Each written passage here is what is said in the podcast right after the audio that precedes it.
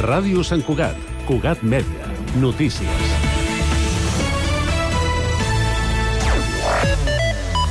Bon dia. Els santcuatencs estan obligats a destinar de mitjana el 26% de la renda per accedir al lloguer el 2023. És la xifra més alta entre els municipis amb més de 70.000 habitants i se situa 3,5 punts per sobre de la mitjana catalana, que és del 22,5%. Aquest percentatge representa el rècord de la sèrie històrica, segons s'ha detallat la Cambra de Comerç de Barcelona en l'estudi L'accessibilitat a l'habitatge a Catalunya. Fa 20 anys, una família catalana havia de destinar el 14,6% 10% dels ingressos per llogar un pis, 8 punts menys que ara. És dijous 11 de gener de 2024 i també és notícia que els centres d'atenció primària de Sant Cugat mantenen un alt nivell de visites derivades de l'alta incidència de virus respiratoris com la grip i la Covid-19. El volum més de 200 visites diàries és similar al de les setmanes de Nadal, però l'atenció en el servei d'urgències s'ha reduït per la recuperació en les agendes dels metges després de les vacances. Tot i això, ha exposat a Cugat Mèdia la directora del CUAP de Sant Cugat, la doctora Marta Marta Serra, el servei que encara està molt tensionat i haurà de conviure amb una incidència a l'alça d'aquestes patologies durant una o dues setmanes més. La 17a edició del concert Música per la Solidaritat organitzat pel Rotary Club Sant Cugat arriba aquest dissabte, 13 de gener, al Teatre Auditori, encara amb entrades disponibles. El 90% dels beneficis es destinaran en guany a l'entitat Aliats amb l'Autisme i al grup musical Árboles Amarillos del taller Geroni de Moragas. El 10% restant anirà destinat a la lluita contra la polio, que és el motiu constant de treball dels clubs rotaris d'arreu del món. L'actuació a les 7 de la tarda anirà a càrrec del, del grup Cold Day, que és una banda tribut de Cold Coldplay. Des del 2007, el concert de música per la solidaritat ha recaptat més de 128.000 euros per a diverses entitats ONG de Sant Cugat dedicades a diferents causes socials. I primera jornada esportiva del 2024 aquest cap de setmana per als equips santcugatencs, on destaca el partit del primer equip masculí del rugby Sant Cugat al camp del Toro Balear aquest dissabte a la una del migdia. L'equip de Martín Garcia ha de guanyar amb bonus, fa tres assaigs més que el rival, per accedir a la fase d'ascens a Divisió d'Honor, màxima categoria estatal. Poden consultar tota l'agenda esportiva del cap de setmana a Cugat Mèdia. Res més per ara, la informació torna d'aquí una hora a la mateixa sintonia i constantment a internet a www.cugat.cat.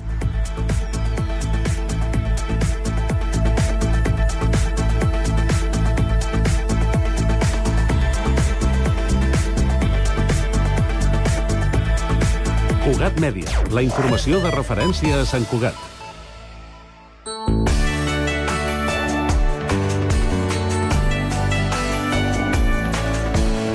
Ràdio Sant Cugat, Cugat Mèdia, 91.5 FM.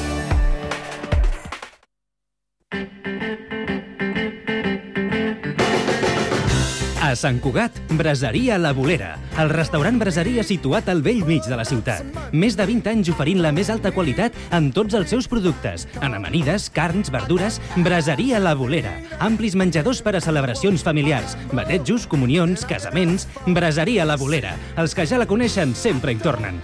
Baixada de l'Alba 20, al costat del monestir. Telèfon 93 674 1675.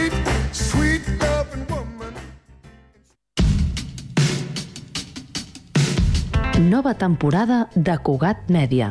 Les mirades, les veus, les emocions, els batecs, els vincles. Consulta la programació a www.cugat.cat. Cugat Mèdia. Arribem a tu amb tots els sentits.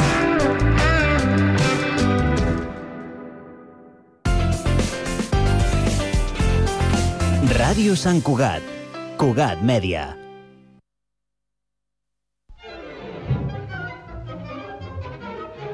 Everything that happens in life can happen in a show.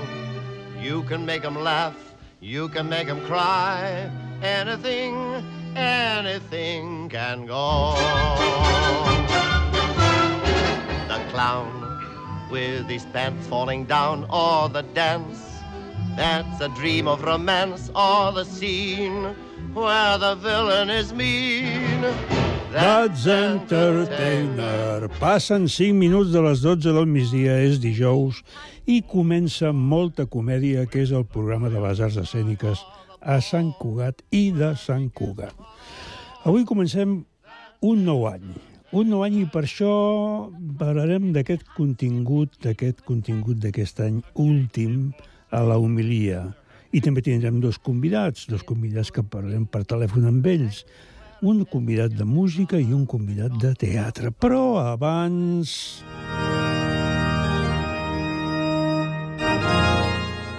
La humilia del Molta Comèdia. Avui, recordatori de l'any 2023. Benvinguts, germans, a les arts escèniques.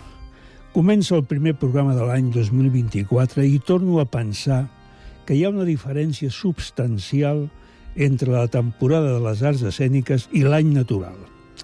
Els resums que acostumo a fer per arxivar i recordar els artistes de qualsevol de les arts escèniques que han passat per l'estudi Ramon Bernils d'aquesta casa o aquells que han estat entrevistats telefònicament, avui serà amb dos dels convidats, és per temporades, perquè sempre el teatre ha funcionat així.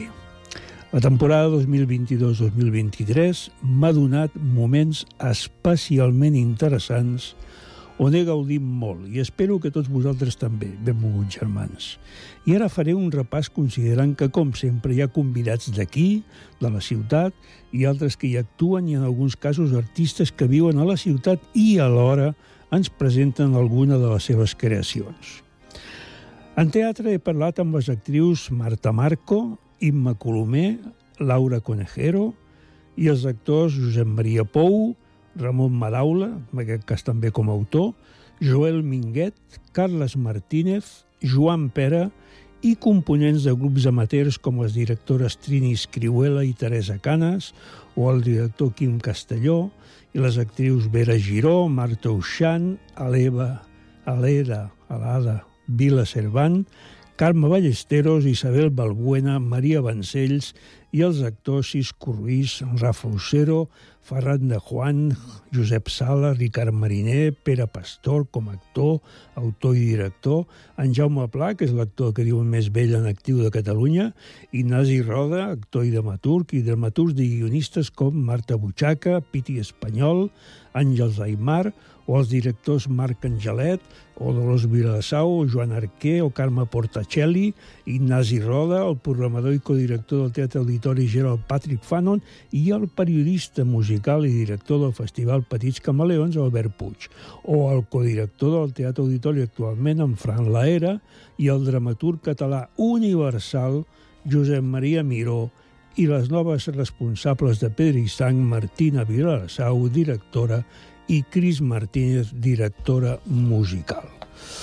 Però en música, precisament en música, compositors internacionals com Tomàs Peire, autor resident a Los Angeles, o el també director Salvador Brutons, i en ocasió del concert de valsos i danses, l'actriu Lloll Beltran, el guitarrista i compositor Jaume Torrent, el compositor i pianista canadenc Steve Barakat, divulgadors i productors com Marcel Gargori, flautistes com Elisabeth Frank o Patricia Denó, la directora Royd Flendes Kreis, o el solista de tenora Jordi Figueró, el violinista Gerard Claret i la cantant Mònica Green, o el beatbox Dani Leonard, conegut com Dani Pulmón.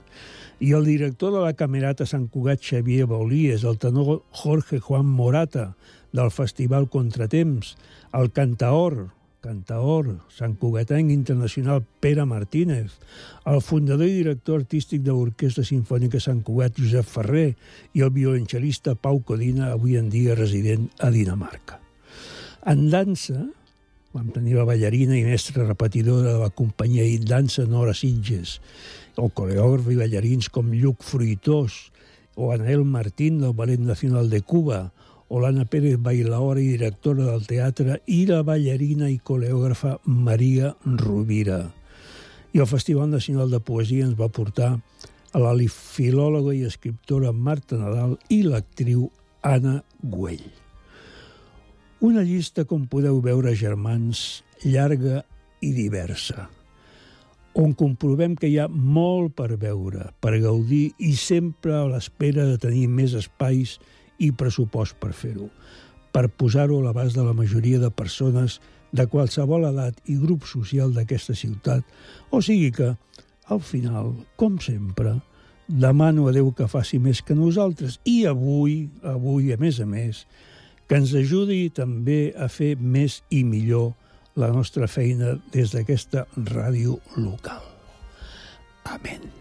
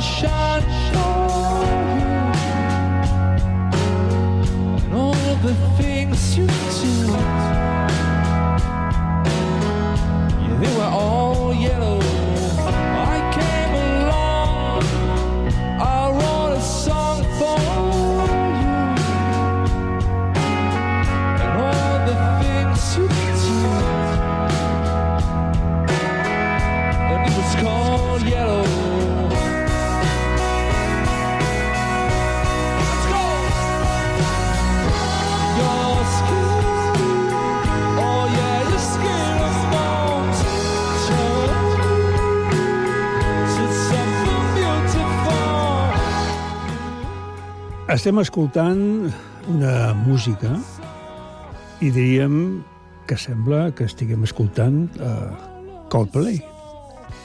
Però no. Estem escoltant a Cold Day.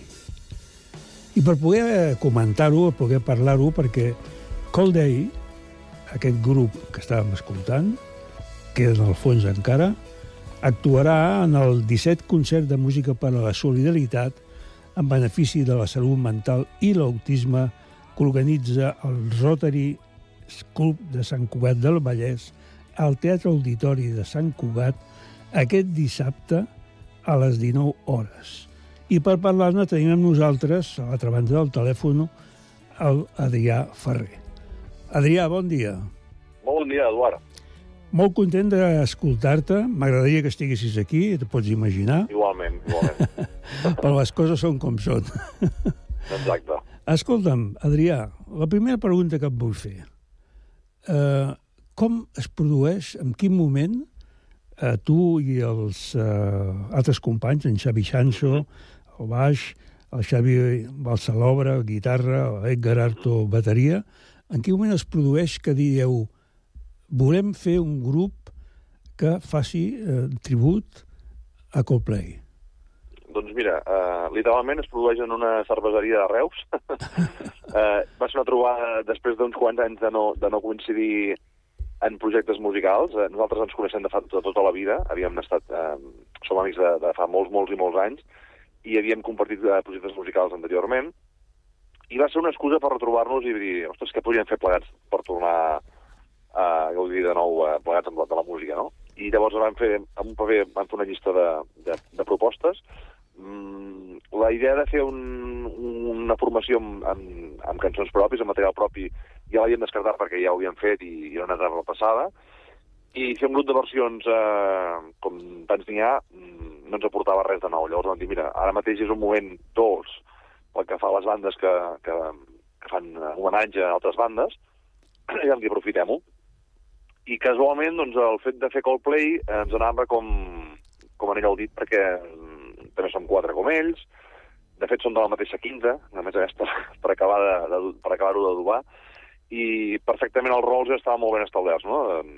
Cantant i pianista, bateria, guitarra, baix, i va venir d'aquí, de forma una mica així natural. Perquè vosaltres, de fet, eh, el naixement de la banda, pel que dius, parles de Reus, eh, sou de Tarragona, Tarragona de Reus, no? Sí, ens, ens movem per aquesta zona, Tarragona, Tarragona Reus, sí, província, província de Tarragona, però bàsicament Reus eh, i pobles del voltant. I ara, per, per, bueno, per, eh, per motius X també estem una mica més separats. Ara hi ha un que viu a Mallorca, un que viu a Anglaterra, Què dius? i que està a cavall d'Anglaterra i aquí, i aquí, sí, sí, sí. I, bueno, eh, al final estem en un muntany global que les distàncies són molt relatives, vull dir que ho podem, ho podem portar més o menys bé. No, no, no, és veritat, eh? és que és així tal, com- tal, tal, tal com ho dius. Aquesta, aque- aquesta situació d'una persona doncs, a Anglaterra, una altra fa 50 anys era impensable, no, no, no, Eh, sí, sí, no, no es podia produir. En canvi, ara és una cosa que es converteix en quasi normal. Bé, vosaltres, com a Cold Day, eh, realment vau començar mm, el 2012? Sí, és correcte. 2012 vam, tenir aquesta trobada, aquesta cerveseria de Reus.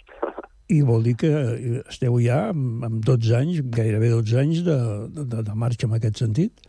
Sí, sí, sí. El primer any, lògicament, és un any, un any de picar pedra i de, de començar a aixecar la veu, aixecar la mà, dir, eh, estem aquí, no? Però a partir del segon any vam notar que, que, que la cosa funcionava i que, que podíem aspirar, a, doncs, potser a, a fonaments més grans, a, a, a, a, fugir, a sortir una mica del nostre, de, la zona, de la zona de confort habitual i a explorar mercats diferents. Per això també ens ha portat hem tingut la fortuna de, que d'altra manera no hauria, pogut ser, no hauria sigut possible de poder visitar altres països eh, eh, i poder tocar llocs que no, no hauríem pensat mai, no? Més enllà d'Espanya, també, eh, no sé, des de fins i tot a Malàisia, Indonèsia, Anglaterra, que és la, la, el territori natural dels Coldplay, vull dir que és una alegria molt gran poder fer això. Doncs, d'altra manera no ho hauríem pogut fer i, i, és, i és fantàstic. Que Coldplay és una, és una banda eh, que, que neix el 97, però vosaltres, doncs, al cap de- d'uns anys, del 2012, estem parlant de 15 anys aproximadament, quan, Sí. quan decidiu fer això, i la pregunta que jo em faig, que no, que no ho sé, que tu, vosaltres prèviament heu parlat amb Coldplay? No, eh, directament amb la banda, no hi ha hagut cap contacte. Um, en, en el seu moment, al principi, de quan van començar a sortir els primers grups eh, que feien això, que feien homenatges a, bandes, um, com que realment eren poc, poc, pocs grups que ho feien, sí que um, la, la, la, la, la situació exigia que és una, un, un, un, un permís o una, un, un vistiplau, diguéssim, del grup Un, original. un, conveni, un conveni amb la, amb la, bar, amb la banda tributària. Més o menys, sí, que, diguéssim, que habilités una mica doncs, a, a, la banda que volia fer això, no? Però en la situació actual, que, que s'ha desbordat en el bon sentit de la paraula, i hi ha moltíssimes bandes que fan això, eh, ja s'ha fet una mica, s'han fet els ulls grossos, vull dir que ja, ja s'ha de manigar ample, m'explico? Llavors, en aquest sentit, no, no ha calgut demanar un permís, perquè, perquè ja la cosa s'ha normalitzat, s'ha a normalitzar. Sí que Vosaltres cert aquest- que amb el... Amb el... Digue'm, digue'm, perdona, Eduard. Sí, el, el, el, concert que, del, del dissabte, eh, com, com ho plantegeu? És a dir, vosaltres feu un concert amb cançons de Coldplay, evidentment, Mhm. però eh, de qualsevol època, de qualsevol moment. Sí, eh, intentem treballar de forma molt paral·lela a l'original. L'original està fent ara, ja porta un parell d'anys fent gira, eh, presentant un disc nou, però el, el, el show de Coldplay al final no deixa de ser un repàs per tota la seva discografia i les cançons més emblemàtiques, no? Aleshores, nosaltres el que, el que fem és el mateix, és a dir, portar una mica, eh, intentar pescar totes les grans cançons de, de tots els seus discos i, i compaginar, o sigui, al final eh, crear un, un concert tot ple de temes eh, que són populars, no? que tothom més o menys els, els té coneguts o, o li sonen, no?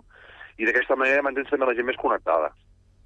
Perquè vosaltres, quan teniu... No, no notes una diferència quan sortiu, per exemple, quan actueu a, a Catalunya o a Espanya, eh, quan sortiu a Malàsia o com aneu a Portugal o com aneu... Ui, sí, és molt diferent tot això. És, és, és una mentida, eh?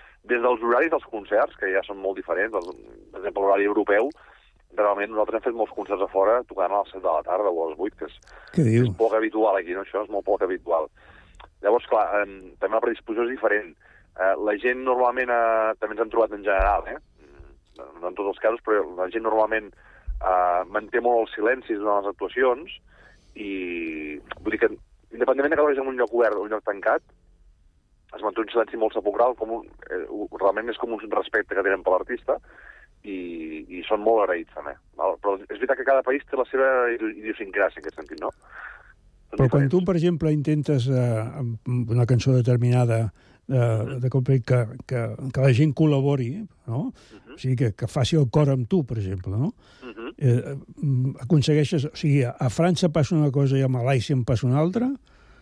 Uh, no, en aquest sentit no, eh, perquè tenir, per fortuna nostra, Coldplay és un grup, eh, bueno, què t'he de dir, no? és dels grups més, més populars que actualment, i realment eh, engloba molta, molta, mol- molta gent i un públic molt transversal també. Llavors la gent realment participa molt independentment d'on toquis, perquè tocar un tema com el Viva la Vida, Sí. un tema que tothom ar- arriba, arriba a certs punts també, de, de, de, fins i tot de gent que ja potser, potser pot, pot arribar a estar cansada perquè és un tema que ha sonat molt, no? I I, molt. I més és fàcil, és fàcil fer l'acord en aquest cas, no? Ah, exacte, exacte. Llavors, eh, molta gent ja, eh, pràcticament sense notar-ho, eh, sense pretendre-ho, ja veus que estan cantant, no? Estan portant el ritme. Vull dir que, per fortuna nostra, ja et dic que Coldplay és un grup que, que té molta tirada i això ens ajuda a nosaltres també. Home, és que és bestial, o- 11 milions de, de discos venuts a tot el Clar, món. clar, clar, és, que, sí, sí. és que és al·lucinant, no? Quan, quan hi penses, penses que, encara que són bastants anys, però, però vaja, és, és, és... també ha canviat molt aquest, eh, aquest aspecte, Sí, no?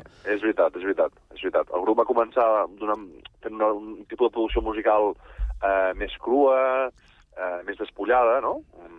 I a mesura que han anat passant els anys també han, han evolucionat, s'han adaptat als nous temps i han fet produccions més, més, més carregades, més èpiques, buscant una mica l'èpica. De fet, els, els seus espectacles són això, no? al final. Sí, sí. És un espectacle que ja no tan sols es basa en el- en l'aspecte musical, eh, sinó que és un aspecte més, més, més global, no? Eh, visual, eh, sens- sensorial fins i tot.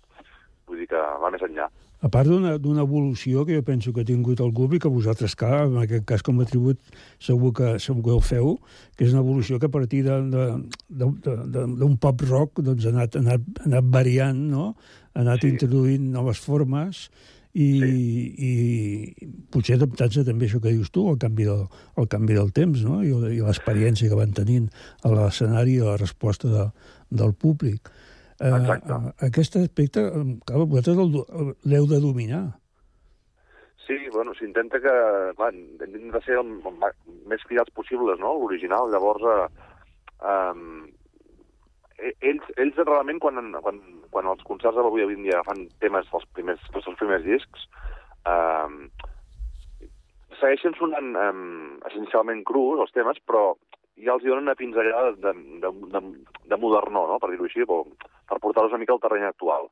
Però sí que és veritat que has de dominar una mica aquest, eh, aquest, aquest tema, no? Poder interpretar finalment un tema dels primers discos que són temes més, això que dèiem, no? més crus o més, més acústics, no? més, inti més intimistes fins i tot, a temes més actuals que no tenen massa a veure, no? Bastant diferents. Adrià, com, es va produir, si, si pots dir-ho, eh, el fet de que per part de per part de, de l'organització Sí, d'aquí del Rotary eh, us convidés a vosaltres a fer aquest concert. doncs mira, nosaltres vam tenir el goig de poder treballar amb, amb l'Edu Moller, que està també... Eh, ell, ell, és, ell, ell és una persona molt, molt, bueno, molt un professional de la indústria musical, Uh -huh. des de fa molts anys, amb molta experiència, i a part ell és, un, és pertany també al, al club, al club motorista de Harleys, de, no recordo ara de, quin, de quina... De quina població? Exacte, però, però està molt ficat en aquest tema, i eh, ell ens ha portat també eh, a nivell de manejament i contratació fa uns anys, i per tant ja sabia de nosaltres i sabíem com, com treballàvem i com funcionàvem i com, com, com, bueno, com, com, com som a nivell, a nivell artístic, i ens va contactar per això, ens va, ens va comentar aquesta possibilitat de tocar a Sant Cugat, eh, la qual cosa ens crea molta, molta il·lusió perquè al final la causa també és sual i, i poder portar el nostre petit eh, gra de sorra en això doncs és, un, és una satisfacció, la veritat. Perquè és la, primera, és la primera vegada que actueu a Sant Cugat, no? Totalment, sí, sí, sí. I poder-te poder estrenar a Sant Cugat i en una causa així, i en un auditori, eh, la veritat és que ens fa molta, molta, molta il·lusió. Bueno, jo puc dir-te que l'auditori té 920 localitats i que en aquest moment, a, a hores de... Menys ahir, vaig mirar-ho ahir, no avui Sí. he mirat, però menys ahir doncs, està, està doncs, pràcticament tres quartes, més, potser més de tres quartes parts eh, Molt ple. bé, Eh? molt bé. Vull dir que en aquest sentit tindreu... Doncs tindreu... mira, jo, jo si, ja si m'ho permets, Eduard, ja Sí. acabo de convidar la gent que s'acabi d'animar i que va de... Això és el que si anava, això el que anava a dir-te. Digues algun... O sigui, estimula aquí el personal. Estimula el personal perquè vingui. Com li diries? Doncs sí, sí, jo, jo el que els diria és que, que no s'ho pensin, que vinguin a, a participar del show, que la causa és sual, perquè la salut mental i l'autisme són, són, són causes fortes i molt presents i que les tenim tothom els tenim a, a, la, ben a la vora, eh, i participaríem, participaríem d'un show molt, molt, molt èpic, amb molta, amb molta joia, amb molta alegria, i ens ho passarem molt bé. O sigui que no, no s'ho pensin. Aproximadament que calcules que durarà el, el, el concert? Eh, crec que sobre l'hora i mitja. Molt bé. Perquè hi ha una, també actes dintre de la pròpia, sí, sí, del poble Rotary. Ah, exacte. O sigui que llavors vosaltres fareu el, el, a partir d'aquí el, i el tancament del, del, del, uh -huh. de, la, de la celebració. Doncs escolta, Adrià, moltes gràcies per haver estat amb nosaltres. Moltes gràcies I... a vosaltres per l'oportunitat de poder parlar. I, en fi, el, di, el dissabte ens, ens veu... Bé, no, et veuré. Fantàstic. Molt bé, gràcies, Adrià. Una abraçada forta. Fins dissabte. Fins dissabte. Música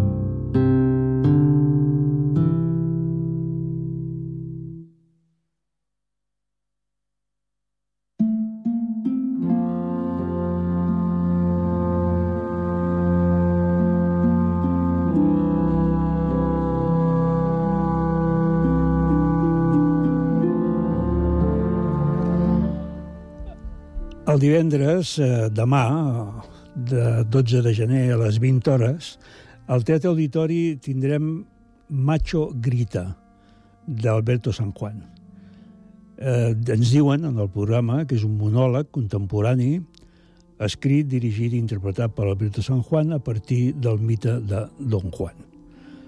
Però, és clar ens agradaria molt saber més coses i, per tant, li preguntarem el mateix a Alberto San Juan. Alberto, buenos días, buen día. Hola, bu- buen día, ¿qué tal? ¿Cómo estáis? Muy contento de tener la disponibilidad tuya porque ya sé que tienes mucho trabajo, que es lo que hay, que es lo que hay, hay que tener mu- mucho trabajo para poder disfrutar y al mismo tiempo hacer disfrutar a los demás. Bien, eh, tenemos aquí eh, Macho Grita, que nos dicen que es un monólogo, es un monólogo Sí. a partir de, de la figura del mito de Don Juan, pero yo por lo que he visto y por lo que he leído, eh, tú además haces un intento para, para entender cómo se construye el sistema de poder jerárquico que nos gobierna. Mm, ¿Qué, qué pasa, Sí, Alberto? Sí, el Don Juan realmente es una excusa para, para, para mm, empezar la, para arrancar el relato. Y el relato, eh, bueno, nace como todo lo que he escrito para teatro en los últimos diez años, eh, de algo tan sencillo como las ganas de vivir mejor y para ello poder convivir mejor. Y ante las dificultades de convivencia que, que nos encontramos en este país, eh, entre gentes que, se, que piensan diferente, que creen diferente o lo que sea, pues uno se despierta un interés por el pasado para encontrar pistas que nos permitan entender de dónde viene esta intolerancia eh, que nos que bueno que, que condiciona nuestra convivencia. Y entonces bueno en esa vista atrás pues inevitablemente está la historia del siglo XX y está la transición la dictadura franquista el shock de la victoria con V mayúscula de 1939 pero yendo más hacia atrás hay otro shock fundacional nuestro, que es 1492, que es la expulsión de los judíos y el comienzo del proceso por el cual se terminaría expulsando a los musulmanes o a sus descendientes, siendo musulmanes y judíos tan hispánicos como los cristianos. Eh, entonces, de esto va la obra, de, de las ganas de convivir mejor y de encontrar pistas que nos puedan resultar útiles para intentar hoy en día convivir mejor. Bueno, la verdad es que escuchándote, yo la primera cosa que se me ocurre es que has tenido que introducirte, eh, buscar eh, muy profundamente en la historia, en la historia de, España. La historia de España, que en definitiva también la historia del mundo que nos rodea. Sí, sí, bueno, eh, muy profundamente sería mucho decir. Eh, lo que sí he hecho es, es eh, estar en diálogo con personas que sí han estudiado en profundidad estas cuestiones y estos tramos de la historia eh, en consulta. O sea, nunca hubiera podido escribir estos libros sin la historiadora Esther Pascua y los sociólogos Ángel Luis Lara y Fernando Guerrero. Ellos son los que me han guiado en las múltiples lecturas y sobre todo muchas conversaciones con ellos para hacer posible esta esta esta obra. Que además esta obra forma parte del- del- de un ciclo, ese ciclo de diálogos contemporáneos de la Compañía Nacional de Teatro Clásico, que además en este momento está dirigido por un, por un catalán. ¿Perdón? Digo que Ah, no sí, sí, sí. Se estrenó, se estrenó en el Teatro Clásico la, la temporada pasada, está dirigida por efectivamente Lluís por Luis Omar. Lluís de Omar. hecho, fue Luis Omar el que me propone hacer algo eh, en relación al Don Juan, eh, lo, lo que quisiera, y como me dio esa libertad, pues hice a partir del Don Juan, que es un personaje, digamos, al menos el Don Juan Tenorio es un personaje que se desarrolla en el siglo XVI, es un personaje que se desarrolla en el XVI-XVII, que son los siglos, digamos, donde se, se lleva a cabo ese proceso de uniformización de lo, de lo hispánico y de lo ibérico dentro de un- del proyecto nacional católico y monárquico. que es muy distinto el Don Juan de Tirso y el Don Juan de, de Zorrilla o el Don Juan de Molière. Totalmente, sí, sí. Eh, muy distintos. En unos se resalta más el aspecto rebelde del Don Juan, en otros más su, su aspecto tiránico, en unos Don Juan se arrepiente finalmente, en otros no, mantiene su rebeldía incluso frente a Dios hasta el final. Entonces sí, por eso Don Juan, el mito de Don Juan es muchas, muchas cosas a la vez. Además, hay una, una cosa también interesante, creo que para, para comentar, y es que mm, es un monólogo, pero tú no estás solo en el escenario. No, no, no, no. Son, o sea, monólogo en el sentido textual de la palabra. Soy el único que habla. Pero hay cuatro personas más que hablan a través de sus instrumentos, cuatro músicos. La misma banda con la que ya hice un espectáculo que se titula Lorca en Nueva York, que por cierto hago el sábado en Linares del Vallés. Hombre. Y además, además eh, este Lorca también lo hiciste en el Teatro de Mirasol. También, también, lo único que en aquella ocasión lo hice yo solo, Tú sin solo, músicos. yo, yo recuerdo Pero en- perfectamente. en- el sábado en Linares será con los cuatro músicos, sí. Estuviste en, eh, en Mirasol el 2019.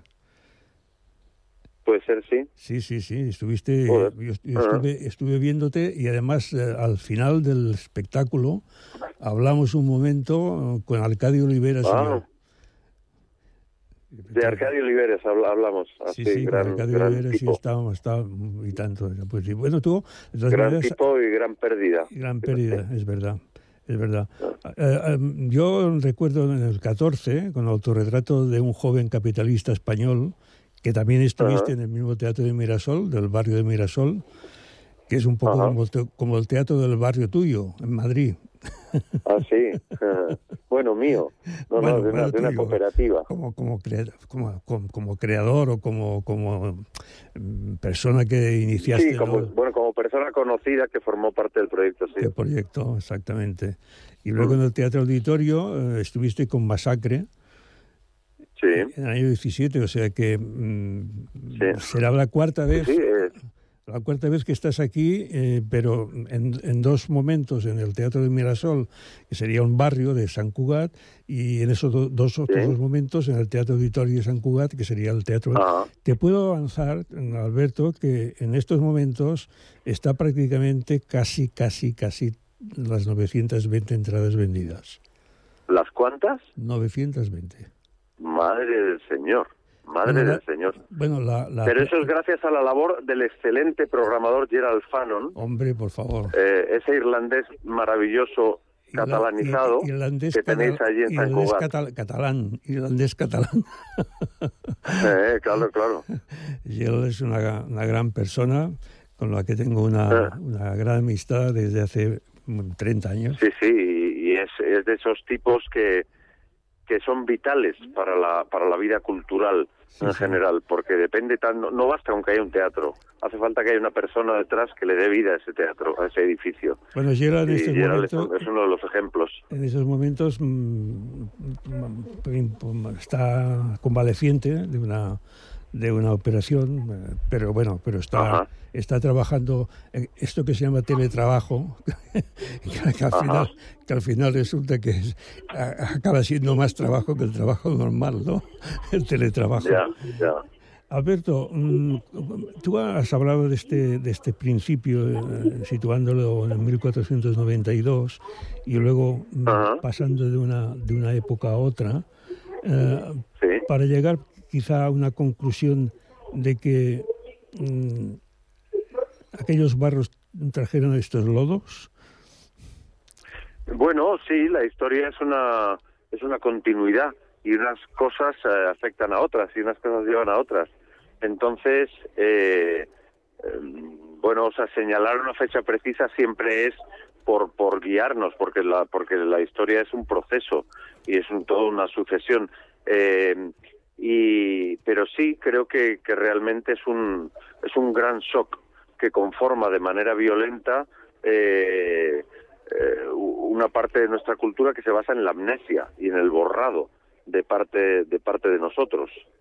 Entonces, en ese sentido, pues así como fueron borrados los judíos y sobre todo los moriscos, porque a los judíos no, no hay que olvidar que se les eh, a los antiguos sefardíes pueden pedir hoy en día su eh, a través de la embajada la nacionalidad española, si demuestran que son des- descendientes de los expulsados, pero no así los moriscos, no así los descendientes de musulmanes, cosa que demuestra que seguimos eh, con prácticas racistas en el, en el Estado español, o sea, prácticas institucionales racistas. Eh, dime. No, Tú hablas además del, del, del macho, o sea, de, de la forma de llegar a, a dominar o a controlar eh, un Sí. Estado, en este caso un Estado, eh, en, en base a, a un, a un machismo aplicado a- en política, exactamente igual como un machismo Bueno, que se aplica sí, en sociedad. Eh, en, en realidad es un término, o sea, es una acepción de lo macho entendido como voluntad de dominio como forma de relacionarse eh, en competencia por obtener el poder, por prevalecer sobre el otro, eh, como, como forma dogmática y, y, beligera, y, y, mil- y militar de estar en el mundo. Eh, y es algo que creo que está llevando el mundo al, al borde del colapso y que necesitamos desmontar por una cuestión de supervivencia. Lo cual parece en principio muy difícil, Alberto. Eh, bueno, sí, es muy difícil, pero la buena noticia es que de momento seguimos vivos.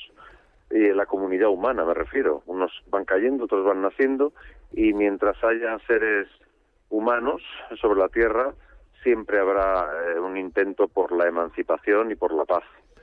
Y, y entonces eh, está claro que lo que nos gobierna es un sistema de guerra, pero quienes habitamos ese sistema, muchos queremos la paz, seguramente la mayoría. Y la dificultad es cómo nos organizamos para desmontar el sistema guerrero. Por tanto, quieres decir en este caso que una obra como Macho y Grita lo que está es, o que intenta, es colaborar, o sea, hacer ver, eh, hacer comprender eh, una situación a, a- públicos muy diversos, de forma que cada uno llegue a, una conclusión parecida, o sea, a entender. Bueno, sí, sí, no, no. tra- tra- Trata de compartir preguntas. Nunca, nunca tendría la tanta vanidad como para creer que yo le vaya a enseñar nada a nadie. Es solo compartir preguntas. Eh, y si en el proceso de, de reflexionar sobre esas preguntas que se plantean, pues eh, a alguien le resulta útil para algo, pues estupendo. Y más allá de la utilidad, como todo espectáculo, pretende no ya entretener, sino entusiasmar en, en el sentido de pasarlo bien. Bueno, es- en parte es lo que sucedía, por ejemplo, en la primera, la primera que yo te he comentado, en el autorretrato de un joven capitalista español, que, que hacías, tambi- hacías también una descripción de esta evolución de una persona ¿no? metida en un- en una sociedad determinada que, que mm, de una forma casi inconsciente llegaba a una, a una posición determinada también. Sí, sí, sí, sí, porque yo nunca he sido una persona que se haya caracterizado. O sea, quiero decir, es, es hace poco más de 10 años cuando yo empiezo a leer, digamos, y a interesarme por la realidad histórica y los procesos históricos que conforman la, la, la vida en mi país. Eh, así que digamos que yo, vamos, no es eh, en cuanto a conocimiento de las cosas estoy hasta por debajo de la media. Eh, lo que sí tengo es mucha curiosidad, digamos. Bueno, yo me atrevería a decir otra cosa, ¿eh, Alberto? Yo te recuerdo, te recuerdo en el año 2007 con Argelino, servidor de Dos Amos, eh, que, te- que tú también preparaste con una versión a partir de, de Goldoni y con el grupo, creo que era el grupo Animalario, ¿no? De aquel momento. Eh, sí, sí, sí, eh, sí, no, dirigido por Andrés Lima, interpretado por Javier Gutiérrez. Sí, a partir de una idea de, de Andrés Lima de convertir el arlequino en un en argelino, en un inmigrante. Eh, Y estamos Actual. hablando de- de- del año 2007. Yo te, yo te vi en la abadía, en la abadía haciendo esta obra, precisamente acompañado de, de, de Gerald Patrick Fanon. Y, Anda, mira. Sí, sí. Y, y en aquel momento, mm, tú cuando, cuando ya hacías esto, ya estabas entrando en esto, un poco en este estilo. bueno, no, pero sí, me refería, me refería a ponerse a, a leer y a investigar y a estudiar sobre la historia de España. Ah, entiendo, entiendo. y a enfrentar mitos y, digamos, falsedades eh, que uno de las que uno se va impregnando si no hace un esfuerzo personal por ir más allá de lo que del, del- de lo que del discurso oficial, por decirlo de alguna manera. En los últimos tiempos he visto una cosa que me ha sorprendido y es que em, están a punto de estrenar una, una serie de un personaje que cuando yo lo, lo leí, em, y entiéndeme lo que quiero decir, ¿eh? no pensé, Alberto San Juan va a hacer de Valenciaga, del modisto Sí, Valenciaga. ¿no? Una, una enorme fortuna, para mí un personaje fascinante. Porque esto, ¿cómo te llegó? Por, bueno, me llamaron para hacer una prueba, un casting, lo hice y finalmente me dieron el papel. ¿Y cómo, cómo entraste en, el, en este mundo, en principio, en principio desde fuera, visto desde fuera, Sí. tan distinto al tuyo? Bueno, eh, para una- un actor, una de las maravillas del oficio de actor es aproximarse a mundos que le son, son lejanos de su vida cotidiana. Es, es una suerte que tenemos. Y en cualquier caso, los seres humanos no, no somos tan distintos. O sea, nos componemos de unas pocas emociones que son las mismas en todos. Y cada uno lo gestiona como puede. Y lo que cambian son las circunstancias de cada uno. Eh, las circunstancias de, de Valenciaga, por ejemplo, fue eh, fueron eh, desarrollar su, su, su inmensa eh, obra creativa, a la cual entregó el, bueno, su vida entera, en medio de unas circunstancias mm, políticas históricas terribles, como fueron la guerra civil, la dictadura franquista y la ocupación nazi de Francia. Él se mantuvo al margen de todo eso, eh, nunca se pronunció en contra y nunca se pronunció a favor tampoco. Quiere Eh, decir... y es, o sea, no, no lo encuentro lejano de mí. Ya, ya, ya. O sea, quiere decirse que cuando, cuando tú empezaste a entrar en el, en el personaje, eh, de alguna forma, viste que no quedaba esto tan distante de, de- de lo que podías pensar o- o sentir. No, o sea, no, no, no, no digo, o sea, no digo, a lo mejor ideológicamente, pues sí había una distancia, no lo sé. Probablemente era, él era un hombre conservador y tal, eh, pero, pero era un ser humano y es lo humano lo que nos hace eh, ser a todos en cierto sentido muy, muy parecidos. Todos en nuestra vida, pues está el, amor, el miedo, la alegría, la tristeza, la rabia, en fin, es lo que nos compone y cada uno mm, tiene que eh, hacer su vida en unas circunstancias históricas determinadas y, con eso lidia como puede. Hombre, hay gente que, que hace mucho daño y que su legado es terrible, de violencia y de muerte y de dolor. No es el caso de, de Valenciaga, no creo, no se sabe que provocara un gran dolor su paso por el mundo. Bueno, creó mucha belleza, eso es indiscutible desde el punto de vista del, Sí, sí, sí, de, la, de la absolutamente. moda. En fin, era una- es, un artista, es como un pintor, como un escultor, como un, eh, como un poeta, etcétera. Esto es así. Bueno, en tu caso, yo me, me sorprendí cuando, cuando pensé en, en esta aparente distancia, pero tú, con lo que acabas de decir ahora, eh, en fin, se puede entender perfectamente y además esta, esta capacidad de, de poder, porque además eh, tienes que hablar en francés, tienes que hablar en euskera, eh, con lo cual también, también se añade, se añade más dificultades, se añaden más dificultades a las habituales para poder interpretar un personaje. Sí. Sí, sí, sí, el- sobre todo el francés fue una enorme dificultad, porque como una, al menos una tercera parte de los diálogos son en francés y yo no, ten- no tengo ni idea de francés, entonces fue un trabajo para mí eh, especialmente fatigoso.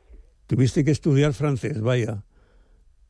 Estudié francés, pero estudié el, los estos, o sea, no estudié francés porque en cuatro meses Sí. yo no soy capaz de aprender una lengua, otra gente sí, pero yo no, y entonces pues estudié directamente los diálogos y mi, con el fin ya no de pronunciarlo, de tener un buen acento, que eso no era incapaz, sino de, de hablar con fluidez. El acento no me importaba tanto porque son muchos los casos de gente que pasa su vida en otro país distinto al suyo y sigue y nunca pierde su acento de origen, así que Y, y eh, hablamos de, de- de cinco, cinco o seis, seis capítulos. Seis capítulos, sí. Seis en capítulos. Disney se estrena el se estrena el 19 de enero, el jueves, el viernes de la semana que viene, Eso en la, es. en la plataforma Disney Plus. Bueno, estaré pendiente de ello para ver, para verte, para escucharte en francés, Alberto. Muy bien, estupendo. No esperes nada del acento. No, no, no. Además tienes razón. Bueno. Eh, tienes razón en el hecho de decir que cuando una persona está en un país que no es el suyo, hablando una lengua que no es la suya, casi siempre conserva un poco el acento de la suya, ¿no? O sea que a pesar de que hable en, ese, otro idioma, eh, siempre mantiene un poco, un poco el acento. Bueno, volvamos al Macho Grita, que es lo que en definitiva veremos mañana aquí en, en el Teatro Auditorio de, de San Cugat. Y, y quería también mm, comentarte, saber, cuando tú decidiste hacer este, este, este, este, a partir de ese personaje de Don Juan, eh, estirar la, la historia y, y, plantear este tipo de... Eh, viste que esto te permitía efectivamente hacer un, un estudio de una evolución eh, histórica española eh, que se ha mantenido en el tiempo a partir de esa figura, de esta idea del, del, del hombre, en ese caso macho, que lo que hace es... Bueno, dime, dime. No, no, que el Don Juan sería un- uno de los tantísimos ejemplos, eh, digamos, de macho depredador, en su caso depredador sexual. Pero quiere decir que cualquier eh, dueño de una gran fortuna es un depredador y un saqueador, a lo mejor no sexual, pero sí de muchas cosas. Entonces, mm, no, no, es condición, o sea, podría sacar el personaje de, San- de Don Juan de la obra y la obra seguiría siendo posible, pero no, eh, pero bueno, es, es, es un posible macho, también representa una parte de los machos, sí, de aquel que dispone de, de los demás ah, para su propio interés. Oye, una cosa, perdóname, pero estoy en la estación de Atocha a punto de coger un tren. Uy. O sea, no voy a poder seguir No, hablando Alberto. apenas más. No, muchas gracias por estar con nosotros, Alberto. Y, No, hombre, un placer. Muchísimas gracias a ti. y a partir de, bueno, y mañana pues ya, ya, ya nos veremos. Es decir, y, y yo, te, yo, te, yo te veré. Muy bien. Muchas Bueno, gracias, Un abrazo Alberto. grande. A ti. Chao, hasta luego. hasta luego.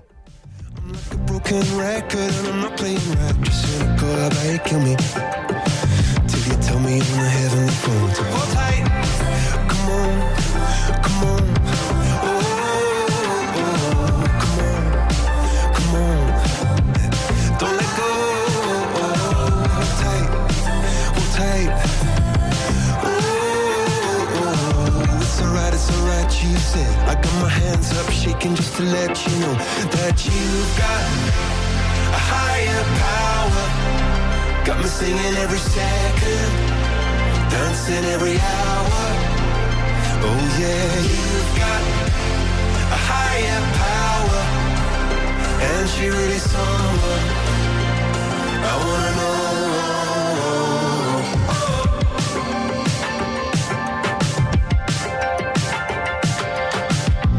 Boy is electric. This boy is electric, and you're sparkling like the universe connected.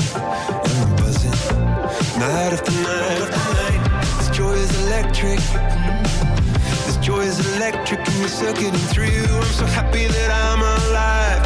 Happy I'm alive at the same time as you, cause you've got a higher power. Got me singing every second dancing every hour. Oh yeah, you've got a higher power, and you're really someone I wanna know.